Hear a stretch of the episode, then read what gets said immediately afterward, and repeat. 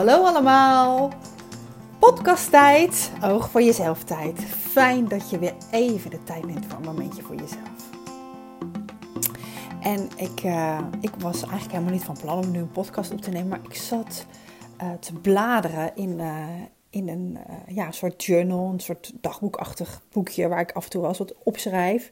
En ik moest ook ineens denken aan een coaching die ik vorige week had met een, een intakegesprek voor een, uh, een VIP Focus traject, voor een één op één traject. Um, en daarin was ik mijn eigen verhaal aan het vertellen. Mijn verhaal uh, op het gebied van zelfvertrouwen en van zelfliefde en van zelfzorg. En ik realiseerde me um, ja, dat ik het volgens mij nog niet in een podcast gedeeld heb. En, en ik realiseerde me ook dat uh, mijn huidige situatie thuis, uh, we zijn aan het verbouwen, dat dat weer extra zichtbaar maakt hoe erg ik gegroeid ben de afgelopen jaren. Um, op dat gebied van zelfzorg dan.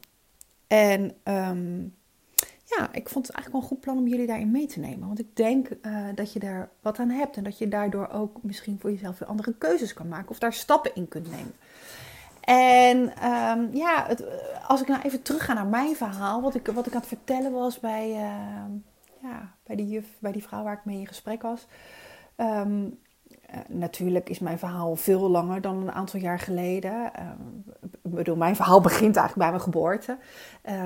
maar goed, als ik even uh, terug ga in de tijd, dan is de, de periode dat ik een acute hernia kreeg voor mij wel echt een life-changing moment.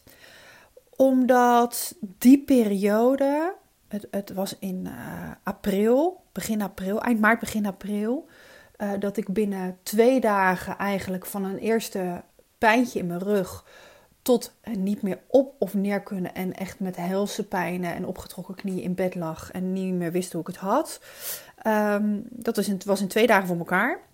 En um, nu kan ik zeggen, uh, nu weet ik waardoor het, waardoor het kwam. En nu kan ik zeggen dat mijn lichaam echt ja, letterlijk op de rem getrapt heeft. Toen had ik geen idee. Ik, toen, had ik, toen, toen dacht ik alleen maar, wat overkomt me nu? En uh, voelde ik me vooral ja, toch wel slachtoffer van de situatie. Ik voelde me, nou, ik was, ik, voelde me heel ellendig. Iedereen die, um, die wel zenuwpijn heeft gehad, die kan zich voorstellen hoe dat voelt als dat aanhoudend blijvend is. Want dat was wat er aan de hand was. En er waren best wel wat mensen die zeiden, die waren niet verbaasd, want die zeiden van ja, joh Chris, weet je, uh, uh, het is niet gek dat jij last van je rug krijgt. Ik ben 1,86 meter um, en veel lange mensen hebben rugklachten. Maar goed, die had ik tot op die dag eigenlijk niet. Uh, en het feit dat ik op de tennisbaan stond en een eerste pijntje onder in mijn rug vond, dacht, hmm, wat is dit? Uh, was eigenlijk op zich al vreemd. En uh, ja, dat ik dan dus daarna een paar dagen later helemaal niet meer op weer kom, dat, dat, ja, dat paste eigenlijk niet bij mij.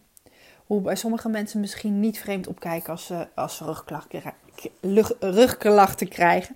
Maar um, ja, bij mij was dat, dus, dat was het dus eigenlijk wel vreemd. Maar goed, uh, het was al heel snel eigenlijk duidelijk dat, dat, uh, ja, dat het een hernia was en dat het een acute hernia was. Um, en het enige wat, wat dan te doen uh, is, is uh, ja, dat was nog de periode dat er wel in twee fases gedacht werd. Of je werd met spoed geopereerd, en dat was dan vaak in Duitsland. Of je had een neuroloog die zei: neem je tijd, kijk hoe je lichaam zelf herstelt. En um, ja, uh, kijk hoe het gaat. Luister, luister naar je lichaam. En je raadt het al, vast ook niet voor niets. Ik kwam terecht bij uh, zo'n tweede, bij die neuroloog die, uh, die wat oefeningetjes met me deed. Die aan de, de oefeningen merkte uh, wat er aan de hand was. Ik heb niet eens een MRI gehad. Hij zegt, ja, ik hoef geen MRI te doen. Ik kan zo al vertellen dat jij een hernia hebt. Um, ga jij maar eens voor jezelf zorgen. Ga jij maar eens rustig aan doen en op gezette tijden wandelen maar niet te veel, doseren. En ga maar eens kijken hoe jouw lichaam de komende weken, uh, kijken hoe die zelf dat herstel oppakt. En ik zie je over zes weken terug. En als er dan uh, niks veranderd is, dan gaan we verder kijken. Maar ik verwacht van wel.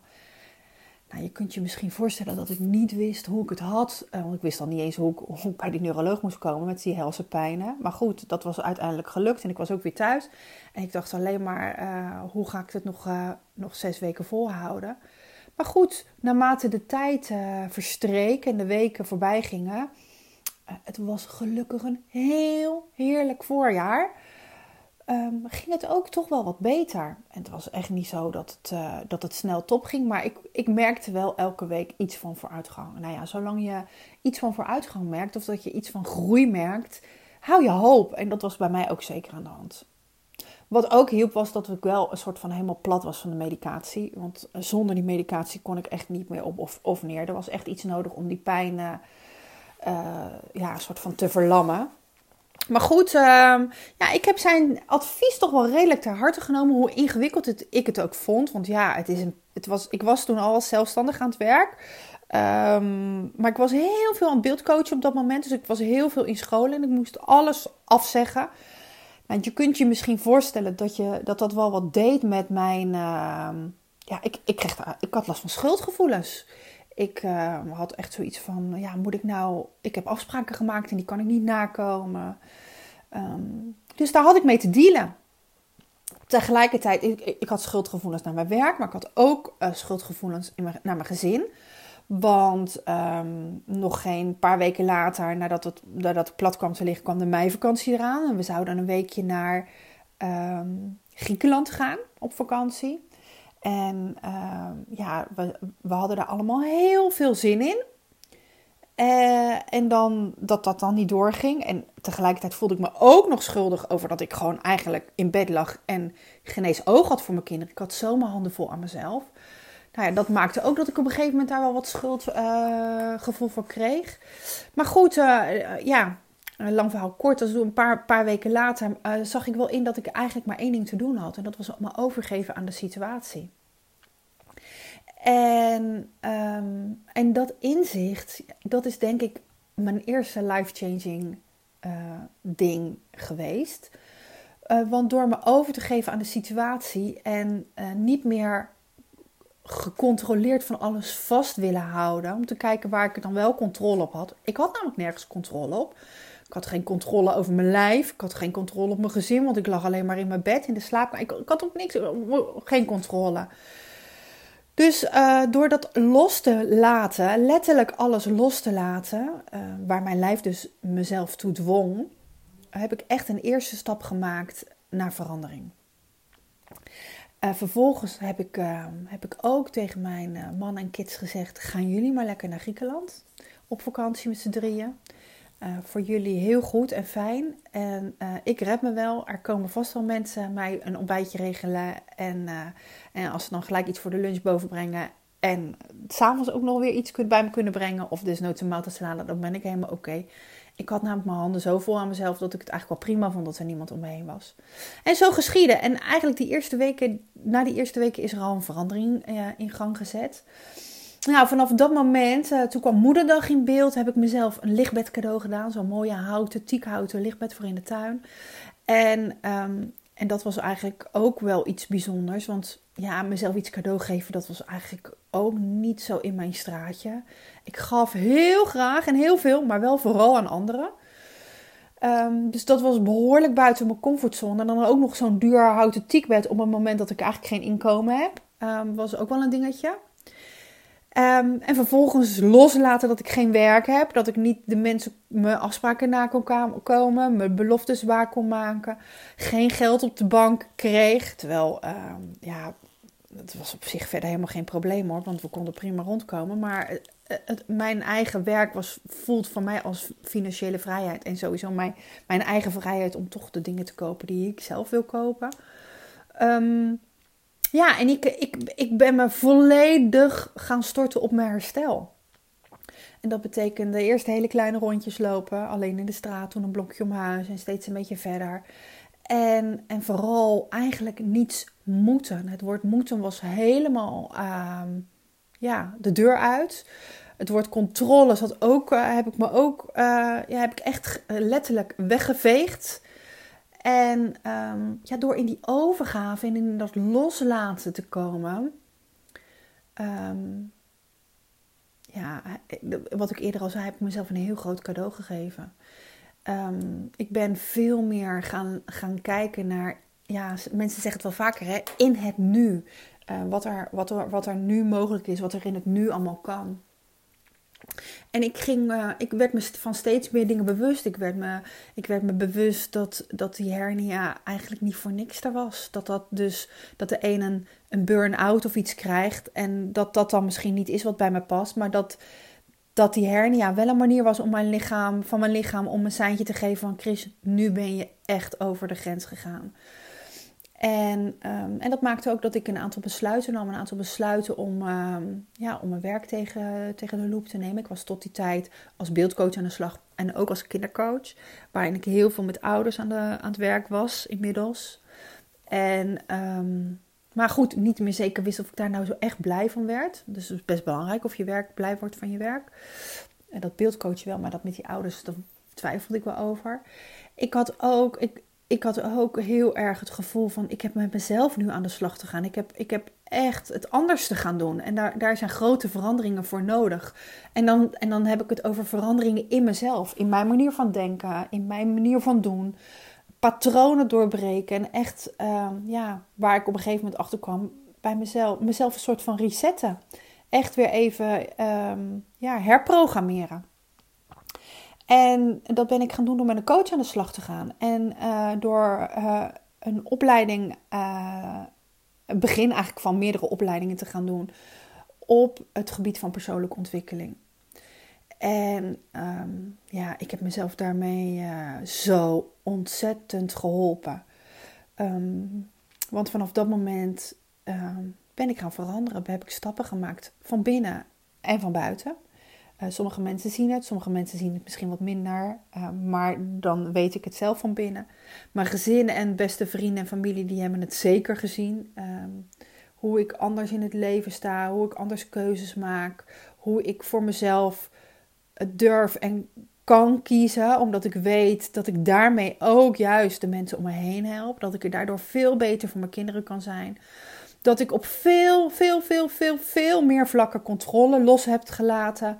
En, en, en vooral, kan, vooral kan leven vanuit overgave en vertrouwen. En dat is zo'n groot goed. Um, lukt dat altijd? Wel, nee, natuurlijk niet. Ik val ook heus nog wel eens in, in, in stap nog wel eens in die valkuil. En tegelijkertijd herken ik het nu eigenlijk vrijwel direct en kan ik daarna gelijk weer een beslissing maken hoe ik ermee om wil gaan. Dat is wat ik, wat ik heb geleerd de afgelopen jaren. En um, ja, het is nu inmiddels alweer heel wat jaar geleden, die hernia. Um, en het is bijzonder, je hoort het mensen ook wel eens zeggen.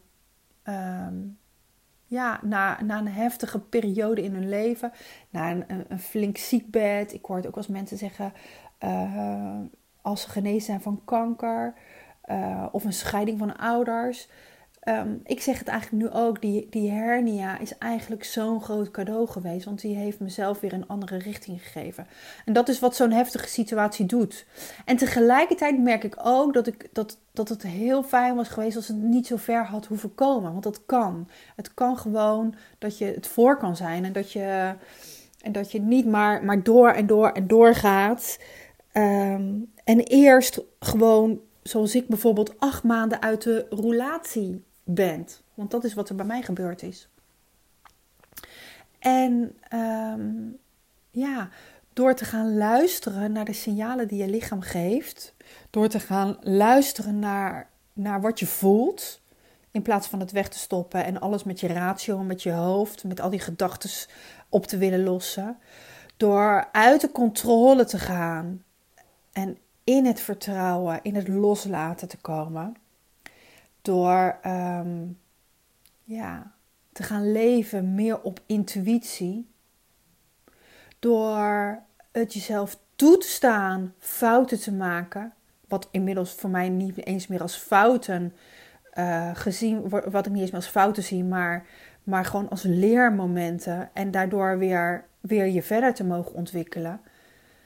Dat is zo dat doet zoveel met je. Dat, dat, dat heeft zoveel met mij gedaan. En ik, zie dat ook bij de, de vrouwen die ik coach. Dat doet zoveel met je als je jezelf uh, gunt om deze stappen te mogen maken. En um, ja, ik, ik wilde graag mijn verhaal ja, wat natuurlijk nog veel groter is, maar in een, in een notendop met je delen, omdat ik denk dat er, dat er wel dingen van, dat er woorden zijn waar je op aanhaakt, of dat er dingen zijn die je herkent waarvan jij weet, oh ja, dat heb ik eigenlijk ook te veranderen, of dat heb ik los te laten. Uh, en dat gaat me helpen als ik dat, als ik dat aan ga pakken. Dus bedenk voor jezelf eens, um, ja, als je mijn verhaal zo gehoord hebt, wat kun jij doen om het misschien niet zo ver te laten komen zoals ik het heb gedaan? Om een verandering in gang te zetten. Wat heb je daarin te doen? Of als het misschien wel zover is, als jij wel degene bent die thuis zit met iets fysieks of met een burn-out-achtig iets. Ehm, wat ga je in de toekomst anders doen? Zodat jij jezelf daarin kan helpen. En wat heb jij nodig? Het is mooi om jezelf, uh, om jezelf te trainen in bewust worden.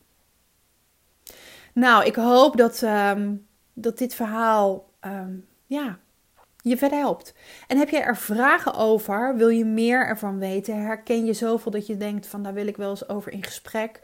Um, neem contact met me op. Ik bied ik bied elke maand een aantal gratis coachgesprekken aan. Je, die, link daarvan kun je vinden op mijn site. En ehm, ik ga met liefde met jou in gesprek om te kijken wat jij kunt doen om het bijvoorbeeld niet zo ver te laten komen. Of wat jij kunt doen om nu een verandering in gang te brengen. En als het nog niet zo ver is, uh, ben je ook van harte, wil ik je ook van harte uitnodigen om, uh, om contact op te nemen. Want uh, nee, natuurlijk hoeft het niet heel erg te zijn. Trouwens, wat is heel erg? Hè? Dat, dat voor, de, voor de ene is, is, is iets anders heel erg dan voor de ander. We kunnen die dingen niet met elkaar meten. Dus als jij het gevoel hebt, er is iets nodig om verandering in gang te zetten. Uh, en ik kan je daar misschien bij helpen. Uh, voel je uitgenodigd om een gesprek bij mij aan te vragen. Nou, ik wil je in ieder geval bedanken voor het luisteren. En, uh, en ik wil je bedanken dat jij jezelf weer dit oog voor jezelf momentje gegund hebt. Bedank jezelf ook voor het inzicht wat je hier weer uit mag halen. Tot een volgende keer.